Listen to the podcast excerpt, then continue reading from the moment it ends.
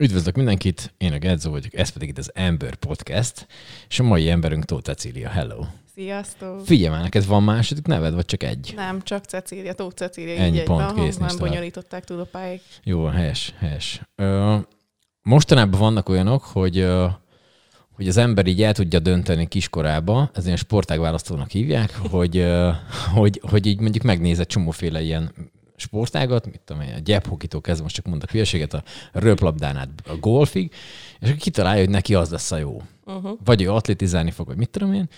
Ö, te jóval fiatalabb vagy, mint én. Nálad volt már ilyen, ilyen, ilyen dolog, hogy így lehetett így kipróbálni sportokat, vagy te már így ezt így valami oknál fogva?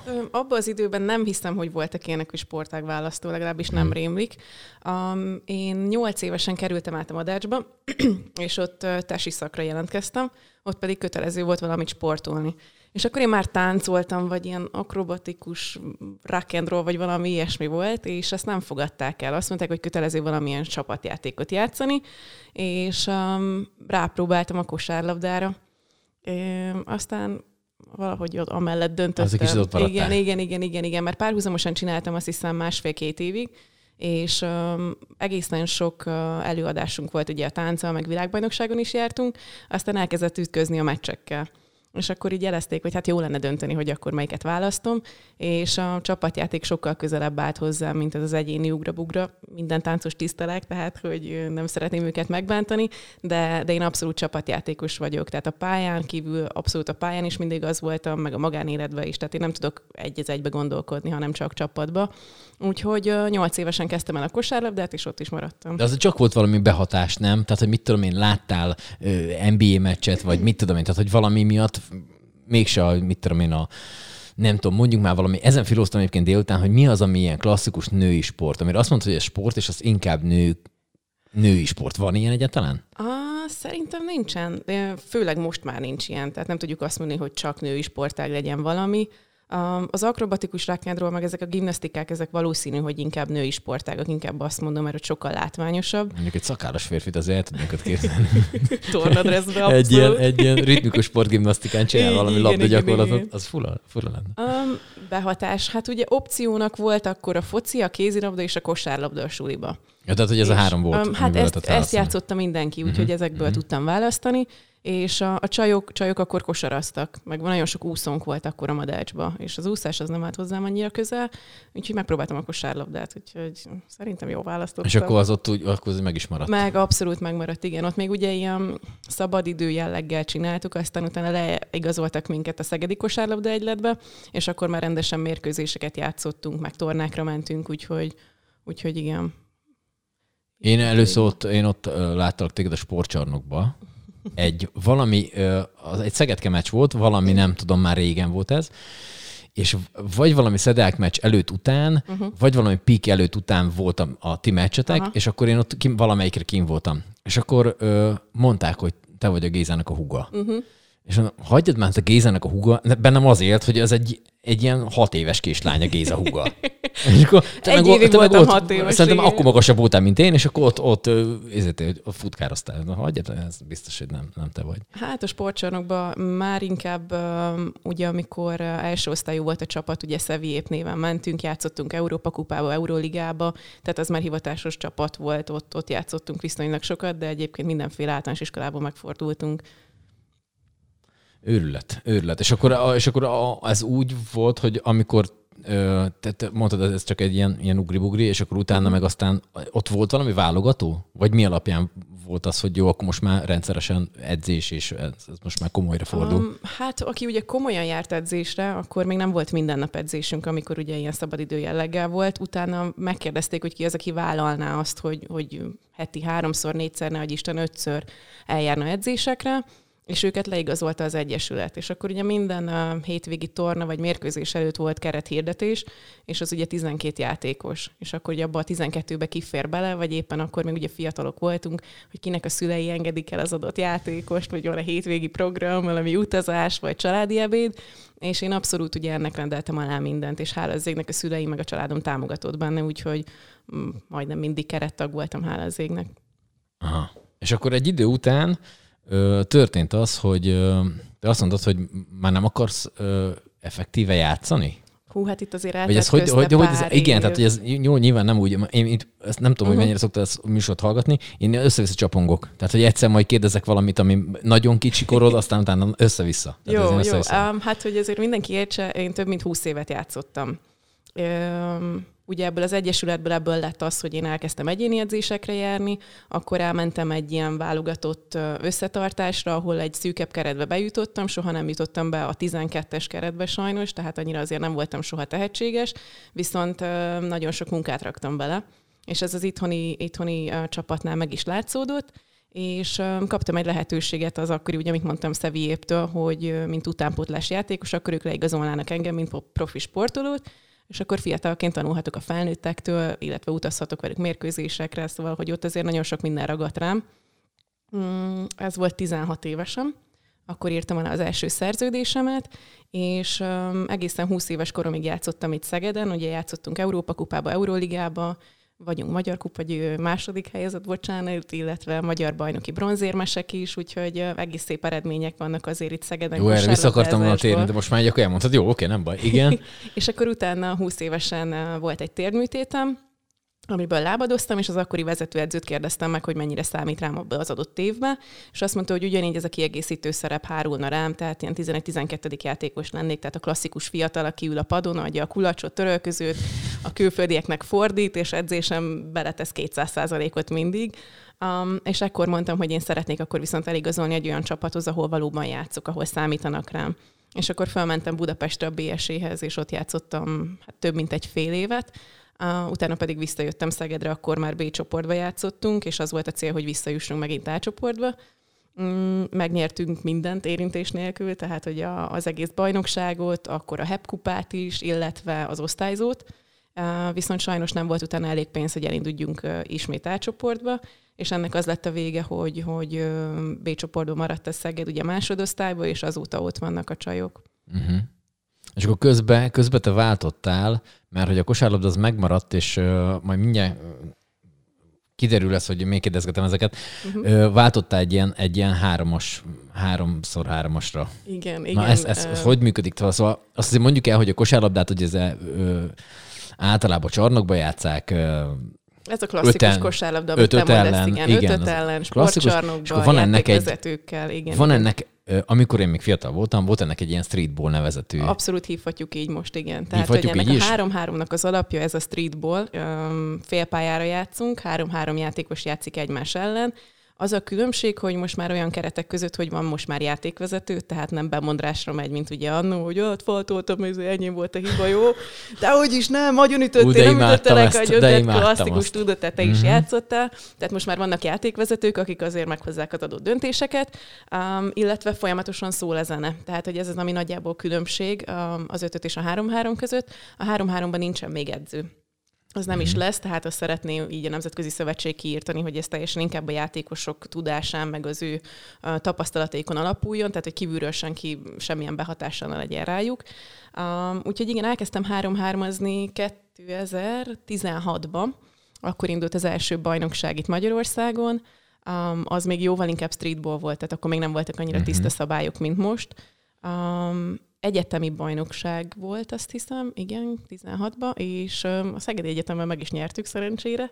A Budapesten volt a döntő, és az volt a jutalmunk utána, hogy mi utazhattunk Ragujevácba, Szerbiába, és képviselhettünk hazánkat, mint Magyarországot. Mert hogy ez, azt, mondjuk el, azt mondjuk el, hogy, hogy e- ez a sport már ilyen, tehát hogy már ebből, ebből van Európa-bajnokság, világbajnokság, tehát hogy ő ez, ez már egy... Ez ott 2015-16 környékén kezdődött el úgy rendesen, tehát uh-huh. hogy akkor, akkor indult el ez az európai mozgalom, hogy igenis szeretnének válogatottakat, szeretnének, amit mondtál, Európa-bajnokságot, uh-huh. világbajnokságot, meg egyáltalán nemzetközi tornákat. És akkor ugye ez egy világbajnokság volt akkor, tehát voltak ott kínaiak is, úgyhogy egészen érdekes volt, mert életünkben nem láttunk akkor még kínai embert sem, hogy kínai kosárlabdát tapasztaltunk volna a saját bőrünkön. És akkor ott negyedikek lettünk, ez volt 2016-ban, és 18-ban szerveződött az első komolyabb 3-3 válogatott Magyarországon, és Károly Andi az akkori szövetségi kapitány, aki a mai napig irányítja a női válogatottat, felhívott engem, pont a rádióba voltam, emlékszem, még az is lehet, hogy veled ültem bent adásba. Neked nem rémlik? Nem tudom. De Szerintem valami, veled ültem de, de valami volt, igen. igen és igen. ott ültem veled szembe, és néztem is, hogy, hogy kaptam egy üzenetet Facebookon, hogy, hogy fölhívhatlak-e. Mondom, úristen, na most Károly Jandi egy hatalmas ikon a magyar kosárlabdázásban, nem tudom hány százszoros válogatott, szóval, hogy csak hiperlatívuszokban tudok róla beszélni. És akkor rám ír, hogy akkor ő szeretne engem felhívni, hogy adja meg a számot, mondom, Jézus Mária, mi történik körülöttem. És felhívott, és ott ültem a stúdióba éppen, és mondta, hogy lesz egy világbajnokság 3-3 normális felnőtt, ez már nem egyetemi, Moszkvába, és hogy amit ugye az elmúlt pár évben tettem, letettem az asztalra 3-3-ba, az egyetemi szinten, úgy gondolja, hogy nekem helyem lenne a válogatottba. És most is, hogy beszélek róla, teljesen kész vagyok, szóval, hogy olyan érzelmek jönnek elő. És emlékszem, hogy ott ültem, és ezt hallgattam, és tuti, hogy te voltál velem szembe. és így elkezdett így folyni a könny az arcom, hogy ú, De azt, hogy most, most meséled, egy egyrékben megvan. És így mondom, Andi, mondom, figyelj, dolgozok, 8 órában megpróbálom elintézni, mondja egy időpontot, hogy mikor meg hol kell lenni, de hogy hatalmas megtiszteltetés, és hogy életemben nem gondoltam volna, hogy a címres ezt magamra húzhatom. És mondtam neki, hogy adjon egy kis gondolkodási időt, és akkor letettem a telefont, és tudom, így ültem, és mondom, úristen, mi történik? És akkor elkezdtem össze-vissza telefonálni, ugye főnökökkel beszélni, hogy tudnak elengedni, stb. stb. Meg ugye akkor, már akkor is kellett vízum Oroszországba, úgyhogy ez nem ment egyik pillanatról a másikra. És ott kezdődött a, a, a válogatott karrierem, hogyha mondhatunk így. Uh, ja, igen, ez 2018, azt hiszem, igen ott kezdődött, és az, okay. az a három Oké, okay. na innen fogjuk folytatni ezt a részt. Viszont, hogyha már említetted ezt a, ezt a jó rádiót, akkor azt azért, azt azért mondjuk el, hogy a te édesapád alapította a Rádió 88-at. Így igaz, Tóth András óriás volt az alapító. Így van, és hát te ott is dolgoztál, független attól, hogy te ilyen más funkcióba is vagy a rádióban. Um, igen, um, nem is tudom, majdnem 7 évet húztam a rádióba ezzel a rendes 8 órás melóval. Um, ugye Gedzóval összeköt minket a nyár. Így van. Uh, rendkívül sok strandpartin dolgoztunk közösen, szombat, vasárnapokat, az összeset. Ó, de jó volt. Volt egyszer, volt, egyszer, volt egyszer egy menetünk, azt gyorsan megemlítem, egy 40, egy 40 napos, egy 40 napos, legalábbis az én részemről egy 40 napos menet volt, arra emlékszek, hogy addig az, tehát hogy szünnap nélkül vagy strandparti volt éppen, vagy rádió, vagy valami. Tehát, igen, hogy... reméljük, hogy ez semmilyen szakszervezet nem hallja, de hogy igen, volt egy 40 nem, hát az napunk, minden, nem, hát nyilván. igen, mindenféle pihenőnap nélkül. Úgyhogy, ja. úgyhogy mi ezt így, ezt így csináltuk, és hát azért azt is mondjuk el, hogy ez a rádiós sztori, uh-huh. hogyha valakinek esetleg ismerős lehet a hangot, bár mondjuk most magyarul beszélsz, de most leginkább, leginkább a rádióban a mai napig lehet, ha valamelyik nap hallottam, hogy valami, igen. nem tudom melyik előadót, azt ugye azokat, az, az új előadókat, azokat te mondod. Igen, a dalazonosítók azok hozzám tartoznak, tehát a tízereket én mondom fel, hozzátartozik az igazsághoz, hogy előtte mindig át kell szellemülni, egy másik lelki állapotba kell kerülni, mert ott, mert ott azért kicsit másképp adom elő magam, mint most azt hiszem, hogy mondhatjuk így. Igen, ott azért van, van benne egy, van benne egy, egy ilyen... Hát egy kis mindenféle. Van egy kis, van, van, van kis benne, van benne egy csavar. Igen. igen. igen. De egyébként az, hogy, az, hogy ott volt a rádió, uh-huh már gyerekkorod óta. Ugye azt is elárulhatjuk, hogy ti abban a házban laktatok, ahol most a stúdió van. Ez így igaz, én ott nőttem fel. Tehát, hogy gyakorlatilag mióta te fölnőttél abban a házban, utána ott dolgoztál ugyanabban a házba. Um, fura, nem fura? egy kis kulisszatitkot, hogy a jelen pillanatban az első számú stúdió, ahonnan az élőadás megy, az apáik hálószobája volt. Úgyhogy amikor először besétáltunk, picit morbid volt, de, de most már abszolút nekem a rádiót testesíti meg a, az épület. És, nem, és sose gondolkodtál ilyen műsorvezetésbe, vagy valami, mert azért Azért, De. hogy az ember egy ilyen közegben nő föl, uh-huh. ahol, uh, ahol apukád azért DJ-ként is dolgozott, uh-huh. a rádió az ilyen mindene volt neki, én úgy tudom. Abszolút, abszolút. Uh, de, de ilyen minden téren, tehát technikailag, minden zeneileg, volt, bárhogy. Minden, ilyen, hogy vasárnapi ebéd, születésnap, évfordul, ilyenek nem léteztek, csak a rádió, tehát hogy... Na jó, szóval, hogy ebbe a közegben, hogy az ember fölnő, akkor ez csak valamennyire egy egy, egy mikrofon, valami zene. Tehát, hogy oké, okay, nyilván a tánc az, az valószínűleg jött innen, hogy a zeneiségből. A zenét azt imádom, mindenféle zenét, tehát hogy zenelvű vagyok, de tényleg bármit meghallgatok, és, és élvezem is a zenét, tehát hogy nem az van, hogy csak hallgatom, hanem tényleg belemélyülök, és próbálok mindenféle hangszert meghallani főleg fesztiválokon szoktam azt észrevenni, hogy így állok, és tátott szájjal nézem, hogy ki mit csinál, hogy csinál, és ahelyett, hogy buliznék, csak így esik le az állam, hogy úristen, ezt hogy lehet így összerakni, és mennyire fantasztikusak vagytok. Úgyhogy ez biztos, hogy bennem van ez a zene szeretete. Um, én sose voltam, valahogy ehhez kell szerintem egy ilyen pozitív magamutogatás, és ez belőlem hiányzik. Én nem szeretek szerepelni, Egyáltalán nem. Ezért nem lett belőlem szerintem, ez az egyik ok, miért nem lett belőlem klasszis játékos, mert én sose tudtam magamra gondolni, tehát nekem mindig a csapat volt az első számú a prioritás, és ez is, hogy én odaüljek a mikrofon mögé, és így megmondjam a magamét, az nem én vagyok. Um, azon gondolkodtam, hogy, hogy DJ-nek állok, vagy valahogy kitanulom ezt a szakmát, csak aztán már annyi női DJ volt, hogy azt mondtam, hogy ah, nem akarok egy lenni a sok közül. Aha. És hogyha mondjuk DJ lettél volna, akkor milyen műfajt játszottál volna? Ilyen mostani valami trendi, EDMS, valami ilyen hát, elektronikus? Ilyen mindenfélét, mindent. De mindenféle. mindent össze-vissza mixeltem volna ész nélkül, tuti. jó, valószínűleg hogy valami jó lett volna a végén, de hogy tuti, hogy mindenfelé nyúltam volna. Ö, egyébként fura egy kicsit, uh-huh. mert hogy mert hogy azt oda akarok én majd erre szépen kiukadni, hogy ugye a Rádió 88 volt az első Magyarországon hivatalosan bejegyzett kereskedelmi rádió. Ugye ezt sokan, sokan keverik azzal, hogy volt Danubius Rádió, ami Danubius Rádió ö, osztrák, ö, tehát ott még németül is ment adás, hogyha valaki még erre emlékszik van annyira öreg, mint én, hogy, hogy ott azt én, tehát, hogy az, az első az, az ez volt. Na most ö, neked is van egy elsőséged, de ezt már mindjárt, mindjárt oda ki, kijutunk, és akkor, és akkor itt most egy kicsit engedjük el a rádiót, majd is visszatérünk, és akkor vegyük fel a fonalat onnan a kosárlabdánál, hogy ö, hogy te válogatott lettél három, három-háromba. Három, igen. háromba. Utána volt még egy um, világbajnoki szereplésem, az pedig Kínába volt. Az már fú, most már keverem az éveket, azt szerintem 2019 lehetett. Uh-huh. Um, ott pedig hatodikak lettünk, az volt az utolsó ilyen nagyobb válogatott beli uh, fellépésem. És utána, bocsánat, utána lett, um, vagyis fogalmazódott ben, meg bennem a gondolat, hogy nem biztos, hogy nekem ebben már sok jövőm van játékosként, de mindenféleképpen szeretnék valahogy a kosárlabdázáshoz ugye közel maradni és gondolkoztam azon, az gyerekként is gondolkoztam egyébként azon, hogy játékos menedzser leszek. Mert mondom, hú, az tök jó menedzserni a játékosokat, angolul beszélni, Tényleg? utazgatni Neked velük. Aha, igen, abszolút voltak ilyen álmaim. Aztán rájöttem, hogy igazából valahogy mégse szeretek annyira a háttérbe maradni. Tehát, hogy ilyen kettősség van bennem, hogy valahol meg is akarom mutatni magam, de közben mégis a háttérbe akarok lenni, és um, azt valahogy így elengedtem, és utána mondtam, hogy jó, edző, hát ott az a baj, hogy nem lehet ilyen 16-17 évesekkel kezdeni, akiket azért lehet rendesen taposni, hanem ott a 8-9-10 évesekkel kell kezdeni, akikkel még kedves kell lenni, kedvesnek kell lenni, meg szépen kell elmondani, hogy el kell futni a vonalig. Már ugye mindig maximalista voltam, tehát hogy én edzésen is csapatkapitányként szerencsétlen fiatalokat azért néha tönkretettem, még az edző is rám szólt többször, hogy, hogy lehet, hogy egy kicsit kedvesebbnek kellene lenni, de, de benne mindig ez volt ez az abszolút maximalizmus. És um, mondom, edzőként ez nem biztos, hogy jó, mert nem, nem tudtam volna félretenni, ebbe biztos vagyok. És um, indult itt Szegeden egy játékvezetői képzés, kosárlabda játékvezetői képzés, és mondtam, hogy hát próbáljuk meg, majd látjuk, mi lesz belőle. De ez már, ö, ez miután... Ez még játszottam. Tehát itt még játszottam. Játszottál, igen, ugye? igen, meg már három-háromba hmm. is még válogatott voltam, csak így elkezdtem gondolkozni, tudod, hogy mi lesz velem hmm. majd, ha egyszer. És um, elmentem, megcsináltam, um, voltak ugye ilyen tesztmérkőzések, és egész jól éreztem magam. Utána megkaptam a licenszet, és um, már komolyabb utánpótlás meccseket kaptam, és olyan pozitív visszacsatolások érkeztek a játékosok felől, az e- edzők felől, illetve a szülők felől is, ami hatalmas elismerés, mert általában a szülő a legnagyobb állatfaj ilyenkor utánpótlás mérkőzéseken.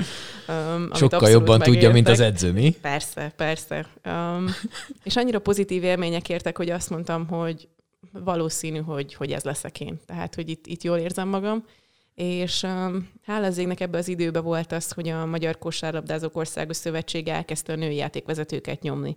Tehát, hogy olyan lehetőségeket adott nekik, amit férfiaknak egyáltalán nem tudott, mert annyi, annyi játékvezető volt már akkor, hogy, hogy nem lehetett. Viszont a nőket a Nemzetközi Szövetség is kérte és kereste. És pont abba az időszakban kerültem oda, ahol, ahol a legjobbkor voltam a legjobb helyen, mondhatom mm-hmm. így és um, nyilván az, hogy volt játékos múltam, illetve hogy beszéltem, vagy beszélek angolul, ez mind segített. Úgyhogy um, gyakorlatilag ilyen Na, hogyha már beszéltünk... uh-huh, indultam uh-huh. el, tehát... Hogy... Hogyha már beszéltünk arról, hogy, hogy, hogy női sport vagy valami, uh-huh. azért uh, az nehéz?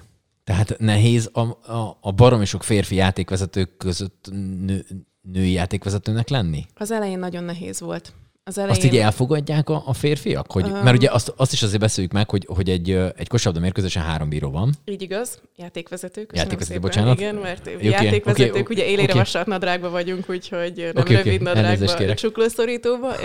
Három játékvezető van, igen, egy kosárlabda mérkőzésen, egy NB1-es mérkőzésen és nem úgy van nálunk, mint a kézirabdá vagy a fociba, hogy fix csapatok vannak, hanem mindig különböző emberekkel vagyunk effektíve oda sorsolva, mondhatom így, egy-egy mérkőzésre. Tehát, hogy... Tehát akkor valaki nem tudná, egy foci meccsen úgy van, hogy a, a játékvezető és a régen partjelzőnek hívott most uh-huh. segéd nem tudom, minek hívják most. Partjez, nekem partjelző marad. Abban van ugye kettő, meg van egy tartalékjátékvezetők, négyen vannak a fociban? Igen, igen. Na, ö, valamit én is tudok, hihetetlen. nagyon büszke vagyok saját magamra. Szóval, hogy ők így négyesével járnak, de így ti igaz. meg nem. Mi nem, mi nem. Mi mindig gyakorlatilag egyedül, egyedül utazunk, um, és hát mondhatnám azt, hogy ott tudjuk meg, hogy kivel fújunk, de az hazugság lenne, mert azért tudjuk előre egy-két héttel, hogy kivel fogunk fújni, uh-huh. de hogy soha nem ugyanaz az ember van ott melletted. És ezért, ezért ez teljesen És akkor más. ez általában úgy van sorsolva, hogy mondjuk két férfi, egy nő, vagy két nő, egy férfi volt már olyan, hogy csak csajok, mondjuk három csaj jelen fújt egy meccset? Jelen pillanatban itt Magyarországon három NB1-es női játékvezető van az idei évtől. Kettőnél többen még nem voltunk egyszerre a pályán. Tehát olyan még nem volt, hogy csak női játékvezetői hármas fújt volna egy mérkőzésen azt hiszem, hogy ez még várat magára, hogy bekerüljünk a történelemkönyvekbe, de, de én nagyon bízok benne, hogy ez egyszer Jó, de te már belekerültél, azért maradjunk annyiba. Mert azért itt áruljuk ezt el, hogy, hogy te vagy az első női kosabda játékvezető, aki... Kezdjem el sorolni. Aki, igen, na. Um, én voltam az első, aki férfi, ezt ide pont idén ebben a szezonban történt meg, aki, aki férfi mérkőzésen chiefként debütált. Ugye nálunk három játékvezető van, és általában az első számú játékvezetőt hívják chiefnek. Uh-huh. És igen, chiefként debütáltam a férfi A csoportba, ami még nem volt Magyarországon. Három-háromba több történelmi pillanat fűződik a nevemhez. Sorolja, nem kell szerénykedni. Ne, hát az... ezt nem szeretem, de, de tudom, hogy, hogy azért vagyunk itt, hogy erről is beszéljünk. igen. Um, Két évvel ezelőtt volt egy Európa-bajnokság 3-3-ba itt Magyarországon, Debrecenbe, és a férfi döntőt volt szerencsém vezetni. Ez abszolút a, a FIBA-nak is egy történelmi pillanat volt, hiszen női játék. Igen, igen, igen, igen, igen, a Nemzetközi Szövetség a FIBA. Szóval, hogy még nem volt olyan, hogy férfi Európa-bajnoki döntőt női játékvezető vezessen. Úgyhogy ez a megtiszteltetés engem érhetett, úgyhogy abszolút büszke vagyok rá. Szóval ez, ez gyakorlatilag ilyen, ilyen, és akkor most mindjárt visszakanyarodok az eredeti kérdéshez, hogy ez, ez, ez, ez hogy éli meg az ember? Hogy, ez, hogy én most én csinálhatok itt egy csomó minden ö, maraságot az én életembe, de hogy te biztos, hogy belekerülsz egy olyan könyvbe, ami, ami ilyen, ami ilyen effektíve a történelmkönyv. Hát egy ilyen sporttörténelem könyvben te benne leszel. Um, három-háromban biztos vagyok benne, hogy, hogy benne leszek, mert, mert ez tényleg ez, ez, ez egy sport, sporttörténelmi pillanat volt. Uh, hogy hogy értem meg, um, amikor megtudtam, hogy én folyam a döntőt, mert három-háromban úgy van, most akkor kicsit belemegyek a mhm. szakmába. Uh-huh. Ötödbe ugye úgy van, hogy előre tudjuk egy-két hétre, hogy ki melyik mérkőzésen fog tevékenykedni. Na most három-három általában az egy kétnapos vagy egy ötnapos torna, attól függ, hogy nemzetközi tornáról beszélünk, vagy pedig egy AB-ről vagy egy VB-ről. A három-háromba mindig az adott nap tudjuk meg, gyakorlatilag a mérkőzések kezdet előtt egy órával, hogy ki melyik mérkőzést fogja fújni. Um, és ott több meccset fújunk egy nap, az ötödbe pedig mindig csak egy mérkőzésed van egy nap. Uh-huh. És akkor három-háromba ugye, ahogy megyünk előre az időbe, vannak a, a normál csoportmérkőzések egyik nap, és másik nap pedig elkezdődnek a negyed döntők, elődöntők, döntők, stb. És uh, nyilván nem tudjuk előre, hogy ki mit fog fújni, mert lehet olyan, hogy uh, érintettséged van, tehát nyilván szerb játékvezető a szerb csapatnak nem fújhat, ugyanúgy, ahogy én sem magyarként a magyarnak nem. És um, egyik pillanatról a másikra elődöntő, jó, rendben, lement a két elődöntő, és akkor na, üljünk össze, ti vezetitek a döntőt.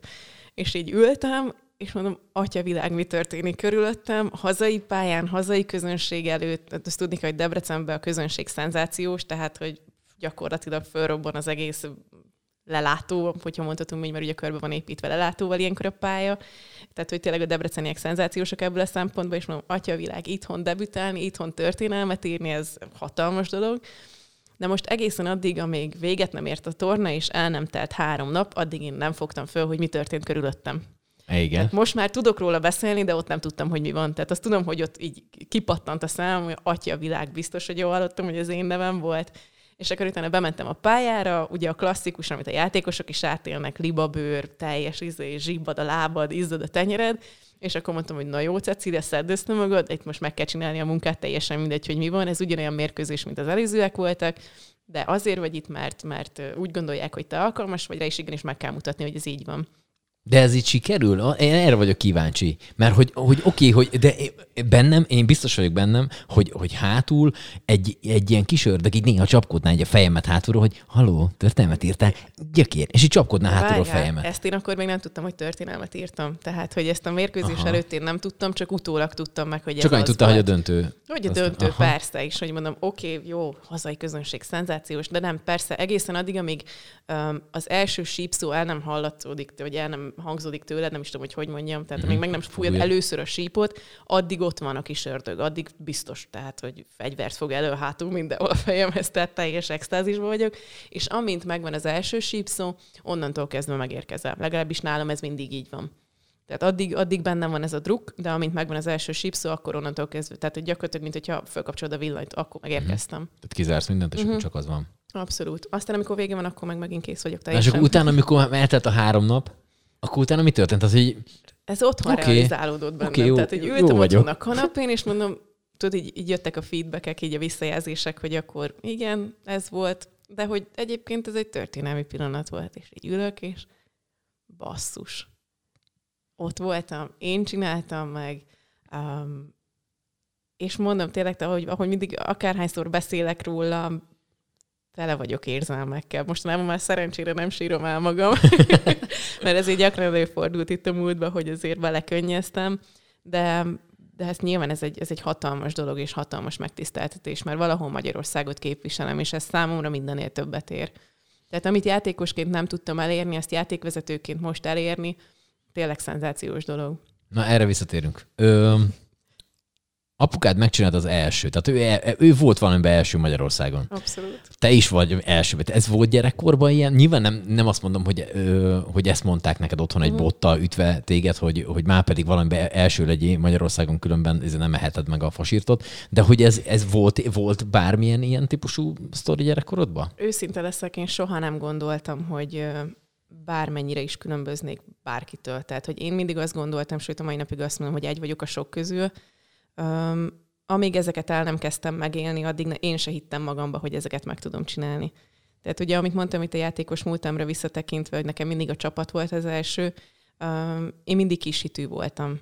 És a mai napig ez a kisítőség azért valahol kísért engem, uh, de szerintem ez az, ami többre sarkol, és ez az, amitől folyamatosan tudok előrelépni és fejlődni.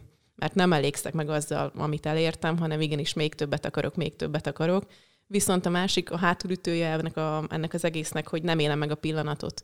Tehát nem tudom az adott, adott helyzetet éppen élvezni. Ez is, hogy ugye ott voltam a pályán, és, és akkor még nem is tudtam, hogy mit csinálok. És három nap után kezdtem elgondolkodni, hogy Cecília, ez te voltál. Basszus, örüljél neki, egy picit legyél magadra büszke. Hova lehet, egyébként ebbe, ebbe hova lehet, hova, mi a teteje?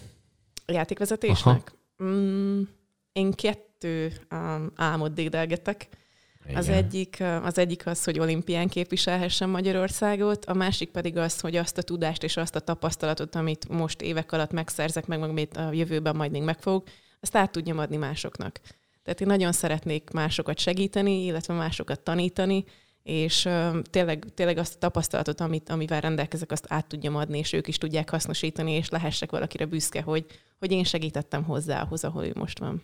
Jó, jó, tetszik. Tetszik a Úgyhogy tetszik abszolút a, ez, a, ez a vízió. Jó, ö, azt azért, mivel hogy nemzetközi szövetségbe ö, vagy te, nyugodtan így majd hosszat kérdezek. Köszi, köszi. és ö, szóval, hogy te egészen sok felé vezetsz mérkőzést. Tehát nem azt kell elképzelni, hogy te, mit tudom én, elmész Debrecenbe, Pécs, Pécsre, Kaposvára, nem tudom, ö, Győrbe, hanem hogy te így olyan helyeken is jártál már, ö, meccset fújni, ami ember nem gondolná, hogy ott esetleg kosárlabdáznak, vagy, vagy, vagy egyáltalán térképen van. Na most az egyik, ami, ahol egyébként nem játékvezetőként voltam, hanem az U23-as 3x3 válogatottat vittem ki, ha mondhatom így, Sri Lankára egy nemzetközi tornára, ott um, csapatvezetőként voltam jelen, ott a fiúkat és a lányokat vittem ki. A Sri Lanka abszolút egy ilyen szenzációs helyszín. Tehát, hogy annyira különleges, hogy életemben nem gondoltam volna, hogy én el fogok oda jutni. Uh-huh. És um, nyilván csapatvezetőként ez egy tök jó buli volt, mert hatalmas felelősség volt, tehát, hogy kétszer négy játékost azért ott gardírozni, nem volt egyszerű, de, de arra is azért büszke vagyok már, mert azt is valahogy megcsináltuk, úgyhogy ez tök jó volt. Játékvezetőként, ami abszolút ilyen különleges helyszín, mondhatom talán Mongóliát, ha jól gondolom. De azért nem biztos, hogy fogja az ember ezt emlékszni egy ilyen repülőjegyet, hogy akkor megnézzük hatalmas Genghis Khan szobrot. Um, Mongólia abszolút ilyen, illetve voltam egy világbajnok is a lejtezőn szintén 3-3-mal Puerto Rico-ba. Úgyhogy, az egy, de egyébként Európán belül is Európán belül is persze, persze, persze. Na most persze. ilyenkor szoktak azt mondani, hogy milyen jó neki, ez általában igaz, ugyanúgy, mint a sportolókra, hogy azt mondják, hogy ú, milyen jó neki, mennyi helyen jár. És akkor erre szokták mondani a sportolók, hogy igen, a repülőteret ismerem meg a sportcsarnokot. Ez nálatok is így van? Hát főleg most. Tehát most külön választjuk ugye a COVID előtti időszakot, illetve uh-huh. a, mhm. a COVID-os időszakot. Ugye a pont Puerto Rico-ba volt szerencsénk, két nappal hamarabb érkeztünk, tehát ott azért volt lehetőség arra, hogy város nézzünk, meg strandoljunk, szóval ott azért picit belekóstoltunk a helyi életbe, az szenzációs volt. Ugyanígy Mongóliában is volt annyi idő, hogy, hogy azért egy fél napunk volt város nézni. Um, általában van időnk, hála az égnek, főleg három-háromba, öt-ötbe kevésbé, mert ott általában úgy megyünk, hogy mérkőzés előtti napon érkezünk éjszaka, másnap mérkőzés, és utána vagy még éjszaka hazaröpülsz, vagy pedig másnap reggel, tehát ott nem mhm. annyira van idő város nézni. Uh, mert ez ugye hozzátartozik, ezt nem mindenki tudja, hogy mi játékvezetők, a többség nem csak a mérkőzést fújja le. Tehát ez azt jelenti, hogy mi is felkészülünk, ugyanúgy fizikális felkészülést igényel a játékvezetés. Hát ez van, milyen, illetve mentális felkészülést abszolút. Tehát, hogy nálunk nem csak az van, hogy oda megyünk, fölhozzuk a nadrágot, csípot a nyakunkba, azt akkor ajde, menjünk be a pályára, hajrá, aztán mindenkit kifütyülünk ész nélkül.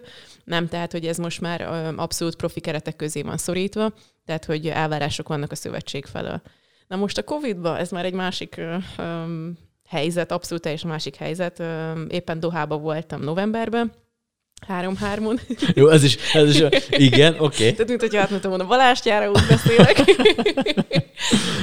Dohába voltam, most ugye mindenféle tesztekkel lehet csak megérkezni.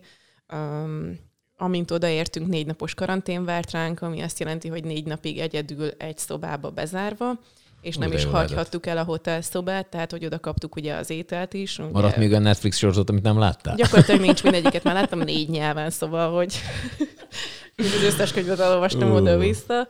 Um, ezek, ez, ki, ez most abszolút kihívás. Tehát, hmm. hogy ezt, hogy ott ülj a szobába, és most um, éppen egy hét múlva fogok menni ismét Dohába, ugyanígy három-háromra, és ugyanez vár rám. És akkor az úgy van, hogy te oda repülsz, vagy akkor azt már előre tudod, hogy kivel fogsz fújni? Hogy mit mm. tudom én, jön egy, egy német, egy üzbék, vagy nem tudom igen, ki játékozott, és akkor úgy fogjátok fújni? Jobb esetben tudjuk. Most uh-huh. ugye ezt se lehet készpénznek venni, mert van olyan, hogy nem engednek be valakit az adott országba, tehát ez is előfordult már. Um, igen, most tudjuk, hogy négyen is kik leszünk, aztán majd látjuk, hogy kivel fogok találkozni az ebédlőasztalnál négy napos karantén után. És ez sű, mekkora a rotáció? Tehát sűrűn ö, találkozó ugyanazok az arcokkal, vagy azért ez, ez ritkább? Tehát, hogy mit tudom én, egy portugála kétszer találkoztál már, vagy ötször, hát, nem hát tudom. különböző keretek vannak három-háromba. Tehát három keret van, van egy pro keret, ez az A keret, ahol um, azok a játékvezetők vannak, akik olimpiát is fújhatnak. Uh-huh. Tehát, hogy egy ilyen, nem is tudom hányan vagyunk benne. Nem akarok hazudni, szerintem ilyen 15-6 körül lehet ezeknek a játékvezetőknek a száma, akit képesnek tartanak arra, hogy az olimpiát is lefújhassa. Ugye ez az abszolút top keret, uh-huh. és egy ilyen World Tour, amire most fogok utazni, erre ilyen játékvezetőket válogatnak össze, tehát itt azért nem olyan mély a rotáció. Itt azért most már barátokkal találkozok, mondhatom így, Viszont ötödben nagyon-nagyon széles a skála, tehát ott majdnem 300-an vagyunk játékvezetők. Um, kell ennyi, mert nagyon sok torna van. Uh, most ugye buborékrendszerbe megyünk mindenhova, de ott is azért most már többnyire um, ismerős arcokkal találkozok. Ez hozzátartozik, hogy nekem ez a második évem nemzetközi játékvezetőként, tehát hogy én még nagyon gyereknek számítok ebbe, ha mondhatjuk uh-huh. így, de, de már itt is azért találkozok ismerős arcokkal. Uh-huh. És azt mondtad, hogy három, hárman vagytok csajok Magyarországon, uh-huh. akik NB1-et fújnak. Így igaz. Nemzetközire mekkora az arány? Tehát külföldön sokkal több női játékvezető van, vagy Azt hiszem, hogy a franciák azok, akik élen járnak ebbe. Tehát ott van a legtöbb női játékvezető. Nyilván ott ugye sokkal uh, mélyebb a bajnokság is, tehát hogy nálunk nincs csak annyi divízió, mint Franciaországban. Franciaországban nagyon sok divízió van, és nagyon erős kosárlabda kultúra van ott. Mm. Úgyhogy onnan igen, ki, onnan ki lehet nevelni erős női játékvezetőket. A Magyarország az utóbbi időben, pont amikor én jó időben voltam, jó helyen, akkor kezdett el nyitni a nők felé. Um, már megkapjuk a lehetőséget, nagyon sok lehetőséget kapunk, viszont nem alaptalanul. Tehát ugyanúgy mi is belerakjuk a munkát, és mondhatom azt, hogy most már azt nézi a szövetség, hogy ki milyen játékvezető, nem azt, hogy milyen nemű, aha, hanem azt, hogy aha. milyen munkát rak le a pályára. Ugyanez a nemzetköziben, ugyanez itthon is. Tehát, hogy most már ilyen nemtől függetlenül próbálnak játékvezetőket küldeni egy-egy mérkőzésre. Úgynevezett haladás. Így, abszolút, abszolút, abszolút. Ez, már, ez egy ilyen pozitív, pozitív történet. Jó, tehát alapvetően, alapvetően sokat utazol ezzel kapcsolatban. Igen, uh, igen. Azt már mondtad, hogy ez az olimpia, amit, amit szeretnél fújni. Mennyire követed magát a, a mondjuk a, a magyar bajnokságot, ö, esetleg mondjuk egy, egy, egy női NBA-t, egy, egy uh-huh. bár, ezeket így figyelgeted azért? Um, NBA-t nem nézek egyáltalán. Ah, semmi se férfi, se nőit? Se férfi, se nőit. Azért az egyetlen egy dologért, mert ott más szabályok vannak. Ah, és. Én, én, mint játékvezető, én most már többnyire a játékvezetést nézem, illetve a kosárlabda szisztémát. Üm, és azzal, hogyha én ezzel bekavarok, hogy ott ugye más karjelek vannak, máshogy helyezkednek a játékvezetők, azzal akár tudat alatt magamat is tudom befolyásolni. Ne, és De, ezért nem nézem NBA-t. És ezért NBA-t egyáltalán nem nézek. De jó, hogy nem vagyok játékvezető. Egyáltalán nem nézek NBA-t, és nem, nem szeretnék senkit elítélni, aki nézi, mert Köszönöm. szenzációs, tehát hogy ha nem, ha nem fújnék, akkor biztos vagyok benne, hogy nézném. De így nézek mindenfélét. Um, pont az egyik ismerősömmel beszélgettem most, hogy ő is teljesen ki volt hogy mi az, hogy nem nézek NBA-t, tehát hogy lehet ilyen, hogy kosárlabda játékvezető nem néz NBA-t. Nem nézek, pont ezért. Viszont nézek kézilabdát, nézek focit, és nem a játékot nézem, hanem a játékvezetőket. Mert hogy egymástól nagyon-nagyon sokat tudunk tanulni mi játékvezetők, vagy bírók. Őrület, most ezen most itt full ki vagyok, igen. Mert hogy ki hogy kommunikál nagyon fontos, hogy hogy találjuk meg a közös hangot egy-egy játékossal, vagy egy-egy edzővel, hogy, hogy ki milyen um, body language, igen, testbeszéd. Testbeszéd, köszönöm szépen. Milyen példával um, él éppen a pályán játékvezetőként, vagy hogy mi az, ami ki tudja zökkenteni, vagy arra, hogy reagál, hogy tud visszatérni. Szóval, hogy ezek mind egy abszolút tehát pszichológiai tanulmány ez az egész, úgyhogy én ezért nézem elsősorban. Um, illetve azért, mert vannak olyan játékvezetők, akiknek a helyezkedését azért készpénznek kell venni, úgyhogy őtőlük uh-huh. azért próbálok tanulni. Őrület. A franc gondolna, hogy nem tudsz úgy megnézni egy meccset, hogy ne játékvezetőket néz. Vagy nem tudsz tudok, úgy nézni? Nem, nem tudsz tudok, már. Nem tudok, hogy hát jó, hogyha gyönyörű férfiak vannak a pályán, akkor néha elcsábul a tekintettem, hogy őszinte legyek. Um, de nem, nem, abszolút a játékvezetést nézem. Oké, okay. beszéltünk arról, hogy fizikálisan is és mentálisan is ott kell lenni, meg hogy ez már így van. Nálatok is van ilyen, mint mondjuk a rendőrségen, hogy mit tudom, x időben évente kell valami fizikai tesztet csinálni? Abszolút, igen. Ötödben van, három-háromban nincsen még ilyen elvárás, mármint, hogy nincsen ilyen teszt, ahol ezt néznék. Uh-huh. Ötödben van, fél évente kell egy úgynevezett VIP tesztet teljesítenünk. Ez nehéz? Biztos. Tehát ehhez folyamatosan kell edzened magad, vagy, vagy elég, hogyha mit tudom, el, előtte egy héttel kicsit elmész futni? Ez a kérdés nagyjából. Na most én a saját tapasztalatomat tudom mondani, tehát, hogy én 8 éves korom óta edzek, és én amióta abba hagytam, se tudtam leállni, tehát hmm. én a mhm. mai napig úgy élek, mintha aktív sportoló lennék, minden nap edzek.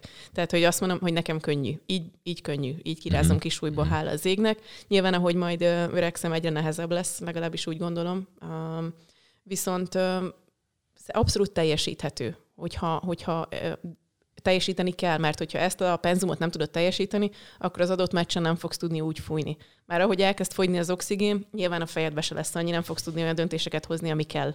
És ahhoz, hogy azokat a, nem is tudom, hány millió forintokat ott a pályán jól tudjuk megítélni, ahhoz nekünk igenis mentálisan rendbe kell lenni. Annak uh-huh. meg az alapja az, hogy fizikálisan rendben vagyunk. Uh-huh. Érdekes ez. A férfiaknál, a, a férfiak mennyire elfogadók a női játékvezetővel? Tehát van, van olyan, aki ilyen, ilyen igazi tirpák? Tehát aki úgy van vele, hogy ja, jó, hát itt van, rakta a szövetség, de jó, hát mégiscsak egy nő. Hát Vannak az elején, az elején azért nagyon furcsa szemmel néztek ránk. Nyilván megint csak saját tapasztalatot tudok mondani. Um, az elején, tehát, hogy nézték, hogy ez a szőke, mm, mit keres itt a pályán, jó, van, jó néz ki, de azért mégis hát valaki olyat küldjük már ide, aki meg tudja fújni a sípot. És um, nyilván az első egy-két ítéletem után hála az égnek azért bebizonyosodott, hogy ott van a helyem. Tehát, hogy nem azért raktak oda, mert hogy szépen tudok pislogni, meg mosolyogni, hanem azért, mert tényleg van mögötte tudás. De az elején nagyon szkeptikusak voltak. Um, most már mondhatom azt, hogy van, aki örömmel fogad, nem tudom, hogy ez pontosan minek tudható be, de, de most már abszolút elfogadóak az edzők, a játékosok, mindenki. A, a nézők az elején nagyon furcsák voltak, mondhatom így.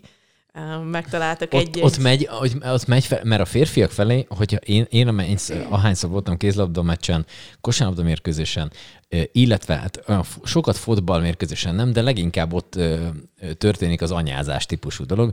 Ez erre tekintette van a közönség, hogy te nem férfi vagy? És akkor vagy ugyanúgy megy? Abszolút, abszolút tekintete van, nagyon, nagyon, kreatív, nagyon kreatívak, tehát hogy tényleg volt, ne. már, volt már olyan, hogy mérkőzés közben elkezdtem röhögni, mert annyira jól gyomták. um, szolnokon fordult elő, ez nagyon vicces volt, szolnokon fordult elő, hogy a heti csapatot bíztatták volna, úgyhogy ment a játék, elkezdtek Cecília, Cecília, Cecíliázni, de hogy skandálták a nevemet, és így álltam, és megfordult, és elkezdtem röhögni, és nyilván ők is, de hogy, de hogy ez furcsa volt, főleg a szolnoki béközép, mert ők azért állatok, de hogy az én nevemet skandálták, atya világ, hova kerültem, de nagyon kreatívak, pozitív és negatív értelemben is a nézők. Aha.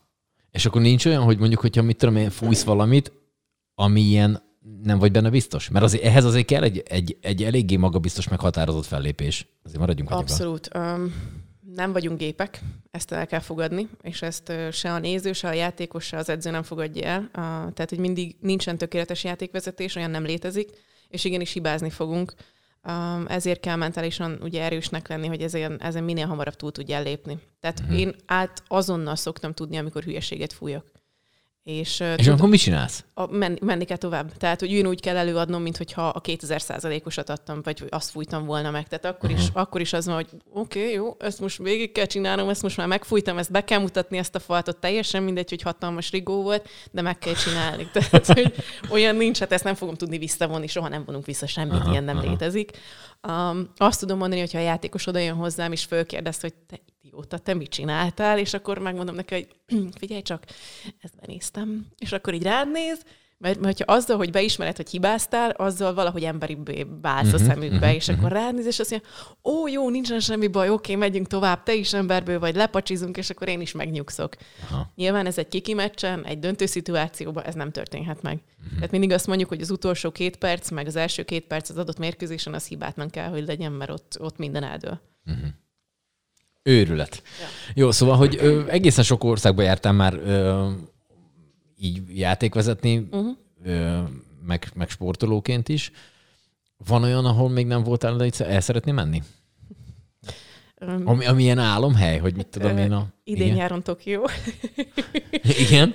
Oké. Okay. Az olimpia. Az egyébként mikor derül ki, hogy ez hogy, az, az, um, hogy, hogy, tavaly, hogy lesz az? Um, ugye tavaly március végén érkezett meg, azt hiszem. Március közepén, bocsánat, március közepén érkezett meg a küldés az olimpiára. Uh-huh. Um, hát um, még lassan, nem? lassan jönnie kellene.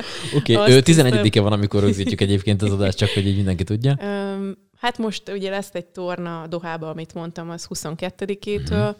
Én azt látom reálisnak, hogy azután a torna után fogják majd kiküldeni az olimpiai keretet. Uh-huh. Jó, oké. Okay. Jó, ezt, ez, ez, tényleg nagyon rajta vagy. Nagyon, Ö, nagyon. Szóval, hogy van olyan hely a világon, ahova elmenni szívesen? Tokiót mm. leszámítva. Fú, állítólag Szaudarábia gyönyörű. Az ugye azért kihívás nőként oda eljutni. Úgyhogy az abszolút rajta van a listán, hogy oda azért szeretnék elsőként megjelenni uh-huh. nőként. Most már valahogy ilyen álmokat dédelgetek, hogy valami belsőnek lenni. Akármennyire arról beszéltünk, hogy próbálok a háttérbe maradni. Tehát valamibe szeretnék első lenni, például Szaudarábia nagyon szíve, Szaudarábiában nagyon szívesen elmennék első női játékvezetőként.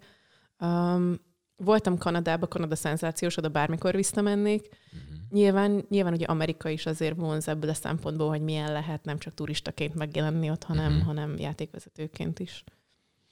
És csak, Kínába és... is voltam, szóval, hogy, hogy effektíve uh-huh. azt is mondhatom, úgyhogy kipipáltam. Oroszország, De ezeket mind, mind, mind fújtál? Uh-huh, mindenhol. És, és Kínába mind, játszottam és mint, és mint, mint csak egyébként így megnézni a világot, tehát nem fújni, hanem hogy csak mondjuk turistaként elmenni. Az hát van ez a klasszikus, Bora Bora Maldív. Ilyen sziget, ilyen szigetpárti vagy? Hát egy kicsit, kicsit szeretnék, ahol, ahol így kiengedhetek. Ahol, uh-huh. ahol nem kell effektíve turistáskodni, hanem csak tényleg az van, hogy hátradőlök, és egy gyönyörű helyen vagyok. Uh-huh. Oké, okay. még erre mentálisra térjünk már kicsit uh-huh. vissza. Az hogy működik? Tehát, hogy oké, okay, hogy a, a, ott mit tudom én, leülsz, és akkor egy ilyen jogapózba egy fél órát a meccs előtt ott eltöltesz, vagy ez, hogy, hogy, hogy, hát hogy készül fel az ember egy ennél ilyenre? azért komplexebb. Az én tapasztalataimat tudom elmondani. Én úgy készülök fel egy adott mérkőzésre, hogy tegyük föl éppen szerda meccsnap, akkor kedden előtte való nap, akkor én megnézem a két csapatnak az előtte lévő mérkőzését, amit játszottak a, a bajnokságba, megnézem, hogy mik a csapat körüli hírek, van-e esetleg jelen pillanatban új fertőzött, aki nem fog játszani, van-e új sérült, um, edzői poszton van-e változás, megnézem a kollégákat, hogy nekik hogy sikerült az előző mérkőzés, mert az sem mindegy, hogy melyik kolléga milyen mérkőzésből érkezik meg az adottra, az adott mérkőzésre, mert hogyha épp egy rossz meccse volt, akkor lehet, hogy valahogy neked abból ki kell rángatni, ki kell mozdítani abból a, a rossz flowból, amiben Aha. volt. Aha, igen.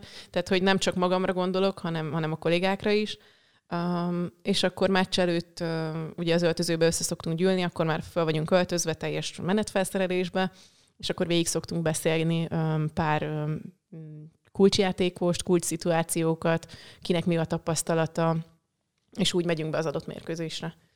Szóval hogy előtte ilyen komoly videós felkészülés meg minden? Öm, személy szerint nekem videós felkészülés, Aha. igen, és ott a, az öltözőbe, mielőtt bemegyünk előtte 30-40 perccel, meg csak dobáljuk ugye a, a fontosabb dolgokat egymásnak, hogy neked mi a fontos, nekem mi a fontos, a mérkőzés szempontjából mi a fontos, ez most miről fog dönteni ez az adott meccs, hogy akkor most helyezés, vagy teljesen mindegy, hogy mit játszanak a csapatok. Úgyhogy öm, videós felkészülés az mindig otthon van, effektíve azt magadnak csinálod. Mm. A De ezeken elérhetők ezek a meccsek valahogy neten mm-hmm. keresztül? Igen, igen, igen, igen. Van egy játékvezetői platform, ahol az összes mérkőzés fel van töltve, és akkor azt tudjuk megnézni. Ah, neki, aha. Fibában van, Fibában van olyan, hogy mérkőzés után egy külső instruktor összevág 6-7-8 jelenetet, és azt kell megvitatnunk hármunknak. Egy ilyen Excel táblába be kell írni, hogy ki mit gondol az adott jelenetről, mit kellett volna másképp csinálni, jó volt az adott fújás, jó volt az adott helyezkedés, hogy lehetett volna másképp megoldani a dolgokat. Úgyhogy ott utólag is van visszacsatolás, illetve a Magyar Bajnokságban a komisszár szokott kijelölni jeleneteket, amit ugyanúgy a honlapon megbeszélünk, tehát ugyanúgy, mint a Facebookon például, hogy ki van választva egy jelenet, és akkor odaírja alá Gedzó, hogy hát ezt benéztem. Én meg azt mondom, hogy én meg azért néztem be, mert nem segítettem neki. Uh-huh. És akkor ezeket is ugyanúgy megvitatjuk. Igen, mert ugye, hogy ez régebben úgy volt, hogy, hogy ugye két játékvezető volt az ötöknél is, uh-huh, és akkor, hogy, hogy azért több szemszögből, vagy több oldalról lássanak egy jelenetet, ezért lett aztán három játékvezető. Így igaz, Jól tudom? így igaz, így igaz. Uh-huh. Most az NBA-ben három játékvezető van mindenhol, lejjebb kettő játékvezető van, illetve utánpótlásban is. Jó, ö, azt nem tudom, hogy nálunk van ilyen, hogy így visszanéznek valamit? Van videóbíró, igen. igen? NBA-1-ben van. van. Igen, férfi és női átcsoportban van videóbíró. Őrület. Piros-sárga lap, ugye volt egy híres jelenet, amikor a, a, az nem tudom megvan hogy a Fábri Show-val a Pul Sándort, aki ugye annak idején nagyon híres fotballjátékvezető volt, és megkérdezte a Fábri, hogy hány darab sárga lapot visz magával. És mm. aztán persze kiderült, hogy egy van nála, mert aztán rájött a Fábri is, hogy hülyeséget kérdezett. kérdezett. Igen, igen, mert hogy ugye egy sárga van. Persze. Nálatok is van ilyen hivatalos sárga lap, meg piros, ezt így vesz az ember? Vagy az, hogy, mert azt tudom, hogy már egy, ö, ugye nyilván mi dolgoztunk a rádióban uh-huh. együtt, és de ott ö, ilyen karácsonyi bulik alkalmából te kaptál sípot. Kaptam és sípot, kaptam én mindenféle. Csak hogy, csak hogy az ember azt gondolná, hogy bemegy egy, vagy nem tudom, hogy ez hogy képzeli el az ember, mert az, hogy te sportoló vagy, és mondjuk mondjuk amatőr, akkor elmész egy olyan áruházba, ahol tudsz venni ilyen dolgokat. Ha profi vagy, akkor már nyilván kapod uh-huh. ezeket a dolgokat, de hogyha játékvezető vagy, akkor így neked így a szövetség küld egy sárga lapot, vagy ezt így vesz egyet, vagy ez hogy van az? Um, nálunk... Csípot, érted? Nem, um, kapni nem kapunk semmit. Ó, oh, kedves. Ez, ez Magyarországon nem így működik. Más országokban van, ahol ellátják a játékvezetőket, például Franciaországban mindennel. Tehát utcai ruhától elkezdve ingen keresztül, nyilván ugye ez komplet meccsfelszerelés, táska, minden ellátják őket. Nálunk Magyarországon ez be van építve az úgynevezett játékvezetői díjba, amit ugye minden évben uh-huh. fizetünk. Um, tehát azzal, hogy azt mi kifizetjük, az adott bajnokságra megvásároljuk a meszt. illetve a kabátot. Három színű mezünk van, van egy limezöld, egy szürke és egy kék, illetve van egy fekete cipzáros kabátunk, ha mondhatom így. Ez az, ami bele van építve ebbe a díjba, de ezen kívül effektíve a szövetség semmit nem ad neked. Ha és akkor szó derül ki, hogy melyik mez van rajtatok. Azt is én megbeszélés előtte, vagy? Abszolút megbeszéljük előtte, igen. Tehát, hogy van hát olyan nincs olyan, hogy, nincs olyan, hogy három színben fölvonultak ott. Tehát volt már olyan, hogy benézték, hallottam ilyen legendákat természetesen, vagy hogy sít nélkül ment be az adott játékvezető a mérkőzésre, és akkor de van mondjuk, de mondjuk magát, van tartalék sípot, hogyha az egyik hát nálam szerintem hat síp van, tehát hogy nem akarok túlozni, de minimum. Meg általában minden táskámban van síp. Most pont vicceltünk, hogy nem hoztam magammal sípot, mert csináltunk fényképet, és nem volt nálam síp. A kis táskámban nincsen, de majdnem mindegyik másikban van, meg a kocsiba is, tehát soha nem lehet tudni, hogy mikor kell mérkőzést fújni. Én mindig készen állok. Visszatérve a mezre, igen, meg szoktuk beszélni. Például van egy budapesti játékvezető, a Bencúr Tomi, aki ki nem állhatja a limezöldet. Ő rajta még egyetlen egyszer nem volt a limezöld. Tehát soha, most már szerintem három éve ez a szín van, ő még egyetlen egyszer nem vette föl, és azt mondta, hogy úgy fog visszavonulni, hogy ő azt nem veszi föl. Úgyhogy... Visszavonultatja a mezt használat nélkül. Használat nélkül, ah, persze. Szép. Sőt, nem is szokta szerintem magával hozni, szóval Nyilván ugye, megy. persze, mert vannak sárga csapatok, akkor nem fogjuk ezt a lime zöldet uh-huh. fölvenni, vannak kékek, nem vesszük fel a kéket. A szürke az, ami fix, mert szürke meze nem lehet senkinek, ez az egy, ami érinthetetlen ebből a szempontból. De ja, mérkőzésre nemzetköziben? Nemzetköziben is Nemzetköziben feketénk van, és szürkénk. Ott lehet fekete ez a csapatnál, mert olyat már láttunk, de szürke uh-huh. nem lehet. A szürke az tényleg az ilyen érinthetetlen. Őrület. És akkor mondtad ezt az élére vasott nadrágot. A nadrág is ilyen spe, spe, speckó, vagy ez, vagy ez hogy van? Lehet ez? vásárolni speckót, igen. De több... van ilyen, hogy játékvezetői... Van, a Spaldingnak is van, több a Championnak is van. Csúnyán mondtam. Semmi baj. Szóval hogy, szóval, hogy van ilyen, hogy így ezt így tudsz venni. Tudsz venni. Um... És van ilyen, hogy rámegyek, és férfi kosárlabda játékvezetői nadrág. Hát igen, ezt egy kicsit jobban kell keresned, igen. Általában ha. ugye ezt külföldről lehet rendelni, itthon uh-huh. nem elérhető.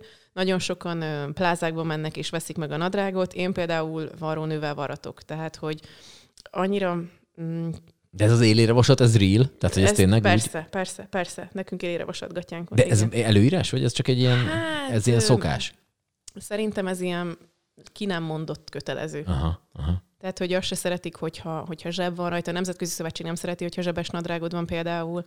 Um, de mondom, én például varratok, mert én nem találtam magamról olyat, ami úgy, úgy állna, vagy kényelmes lenne vagy az anyag. Tehát, hogy ugye ezért mi, mi is izzadunk, főleg nyáron és azért ebben a hosszú nadrágból ott masírozni 6 kilométert 40 percen keresztül, nagyon nem mindegy, hogy milyen anyagból van, meg hogy mennyit bír mennyire stretches, úgyhogy, úgyhogy azért nagy kihívások vannak. Komplett őrület. Abszolút, abszolút. Jaj. Van egy állandó kérdés, de még van, de van egy csomó kérdésem, de ezt azért most így most fölteszem, majd Na. csapungjunk rendesen akkor. Jó. Amikor te eléred a, a mit tudom én, a nyugdíjas éveidet, mondjuk leszel 70 éves, Ámen. mondjuk, akkor te hogy képzeld el magad? Mit fogsz csinálni? Te utánpótlásba fújkodod, magyarázd a gyerekeknek, vagy boraborán fogsz ülni egy, egy hintaszékbe? 70 évesen? 70 Aha. évesen szerintem már nem fogok fújni, tehát addigra azért már ki fogom maxolni a testemet annyira, hogy, magad, hogy gyakorlatilag kell? mozogni nem fogok tudni szerintem. Ö, nagyon bízom benne, hogy a háttérben leszek valahol ö, instruktorként esetleg, vagy komisszárként, vagy ne adj Isten a szövetségnél. A komisszár valami... az mit jelent, csak hogy még tudja? A komisszár az az, aki ott ül az asztalnál az adott mérkőzésen, és akkor felügyeli, hogy a játékvezetők jól működjenek, hogy az asztalnál minden legyen. Aha, mondhatjuk Aha. így, hogy jelen, hogy az asztalnál jól mérjék az időt, az eredmény rendben legyen. Ezt el tudom képzelni, illetve, hogy, hogy vagy a Nemzetközi Szövetségnél, vagy a hazai szövetségnél valamilyen pozíciót betöltök. Őrület. Hát az, hogy én, én üljek valahol 70 évesen, azt... Tehát nem, tehát nincs, nincs ilyen, hogy akkor nem, inkább egy, egy tóparton, tóparton, egy kis háznál ott nem. kötögetsz, hanem hogy... Nem, nem. Majd, amikor pihenés része van épp a szezonnak, akkor el tudom képzelni. De hogy, de hogy abszolút azt látom magam előtt, hogy, hogy másokat segítve a kosárlabdába maradok. Uh-huh. A család ebbe hogy fér bele? Ez egy nagyon-nagyon jó kérdés. Mondtam, hogy fogok olyat is kérdezni, hogyha nem akarsz, nem válaszolsz. Um, abszolút nyitott vagyok. Szerintem nem tudom, létezik-e az a férfi, aki ezt el fogja fogadni, hogy én ennyit utazok, és ennyire alárendelem a, a magánéletemet ennek az egész álomnak, amit én szeretnék elérni. Nagyon bízom benne, hogy létezik. Valaki úgy gondolja, hogy erre alkalmas, akkor várom, hogy jelentkezzen. Fényképes, egész alakos önéletrajzokat, akkor mindjárt mondjuk az e-mail címet. fórum. Nem, viccet félretéve. Um, nagyon nehéz. Um, próbálkoztam, sokan voltak mellettem, és el is véreztek. nem, ez, ez szerintem... De ebben mondjuk ebben a 70, 70 éves képben, amit itt beszélünk, ott, ott te látsz ilyen gyerekeket magad körül, unokákkal, vagy abszolút, valami ilyesmi? Abszolút, tehát hogy az a tervem, hogy egyszer Aha. lesz nekem is gyerekem. Um, nyilván ahhoz szeretném előtte a karrieremet beteljesíteni, uh, és utána mondhatom azt, hogy rendben elértem, és nem fogom azt mondani, hogy valamit valaminek a kárára elengedtem, vagy, vagy megcselekedtem, szeretném elérni az álmaimat, és utána mondom azt, vagy mondhatom azt, hogy akkor nyitok más felé. Nyilván, hogyha jönne egy óriási szerelem, akkor valószínű, hogy minden megváltozna a fejembe, de jelen pillanatban abszolút a karrier az első, arra fókuszálok. Mm, nem zárkózom be, tehát, hogy nyitott vagyok. Ha valami jön, akkor várom tényleg tárt karokkal, de, de szerintem ez nehéz most. Tehát ez, hogy nincsenek ünnepnapok, nincsenek hétvégék, nincsenek éjszakák, ez annyira kiszámíthatatlan, még nekem uh-huh. is, nem hogyha lenne egy párkapcsolatom abból a szempontból meg végképp. Uh-huh. Jó, van még egy hézagos rész, nem beszéltünk arról, hogy te közben neked tanulmányaid is voltak.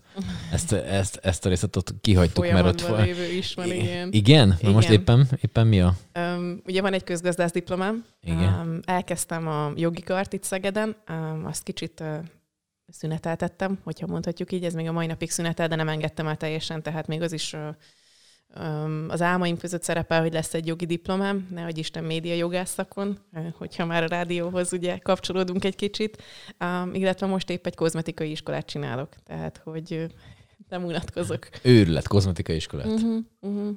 Azt így szeretted volna, vagy az, az hogy jött? Vagy az um, ilyen... Legjobb barátnőmmel van egy um, közös befektetésünk, és um, úgy gondoltam, hogy ha, ha már um, közös befektetés, akkor uh, sajnos az ördög nem alszik, nem tudhatom, hogy mikor uh, fogok megsérülni, vagy mikor érkezik el egy olyan szakasz az életemben, ahol el kell engednem az aktív játékvezetést, és uh, jobb, hogy a több lábon áll az ember, és akár ebbe is tudok akkor dolgozni, hogy ha arról van szó. Úgyhogy nem teszek fel mindent a játékvezetésre, próbálok több lábon állni abszolút, és ez az egyik ilyen törekvésem volt. Úgyhogy most ez van folyamatban éppen. Oké. Okay. Uh, utolsó kérdéshez érkeztünk, ami egy ilyen uh Hát szerintem egy ilyen aljas kérdés, mert nem lehet szerintem jól válaszolni, vagy nem tudom, hogy, hogy jól lehet, ez mindenkinek kérdés. A mostani életszakaszodban, amit megéltél, mit gondolsz, mi a legfontosabb az életben? Fú. Hogy mondtam, ez, ez egy... Adjál támpontokat. Ne, nincs. Tehát, hogy, hogy eddig már most egészen sok ember ült itt, uh-huh. és nagyjából mindenki majdnem más mondott. De úgy, úgy Isten igazából, ha összerakom majd az évad végén uh-huh. ezeket, hogy ki mit mondott erre a kérdésre, akkor egy ilyen, egy ilyen bazi nagy komplex ilyen, hát, mi a egy Coelho idézet fog ebből. Megéltem? Nem, nem, neked mi a legfontosabb az életben, most jelen állapotodban? Szerinted? Mi, oké, nem azt kérdezem, hogy mi az élet értelme, mert értem, az a 42, értem. hanem hogy, hogy, hogy szerinted mi a legfontosabb? Volt, aki azt mondta, hogy a szeretet a legfontosabb, uh-huh. volt, aki azt mondta, hogy a család a legfontosabb, Szóval, hogy valami ilyesmi. Én azt tudom mondani, hogy a, hogy a személyiségfejlődés, amin keresztül mentem, és amin a mai napig éppen folyamatban vagyok. Mert pont ez a helyzet, amit, amit itt elég dobott az élet, ez, ez azért próbára tett mindannyiunkat, és én azt mondom, hogy amit az elmúlt egy-másfél évben így személyiség ügyileg fejlődtem, azt mondom, hogy jelen pillanatban ez a legfontosabb, mert látom, hogy még milyen út áll előttem, mi van mögöttem, és tudom, hogy hova tartok és végre életemben először látom azt, hogy, hogy mit akarok elérni, és ezt hogy akarom, hogyan akarom elérni, és milyen hibákat követtem el a múltba, és mi az, ami előrébb vihet abba, hogy elérjem azt, amit szeretnék. És ez most nem a karrierre fókuszálok, hanem úgy egyáltalán így az emberségre, hogyha mondhatom így. Szép volt. Erre, erre van egy ilyen, várjál? Nem ezt akartam, ezt. ezt. Egy, egy teremtősöt még ide rakok a végére. Oké, okay. hát akkor akkor a sorsoláshoz, vagy a, a márciusi osztás, ami később lesz Doha után, mm. ahhoz nem tudom, egy kalappa, vagy nem tudom, mit kell kívánni. Az olimpiai küldés. Igen. E, igen. Bízunk a legjobbakba. Csak jelen pillanatban én azt hiszem, hogy nem lehet ennyire előre gondolni. Tehát uh-huh. azt, azt tudom neked elmondani, hogy öt perc múlva mit fogok csinálni, de azt, hogy holnap mi lesz, azt már nem tudom. És azért nem is szeretnék erre fókuszálni, nem is akarok ezzel foglalkozni, úgyhogy majd jön, ami jön, aminek jönnie kell, és amikor jönnie kell. Oké, okay. nagyon szépen köszönöm, hogy jöttél. Én köszönöm.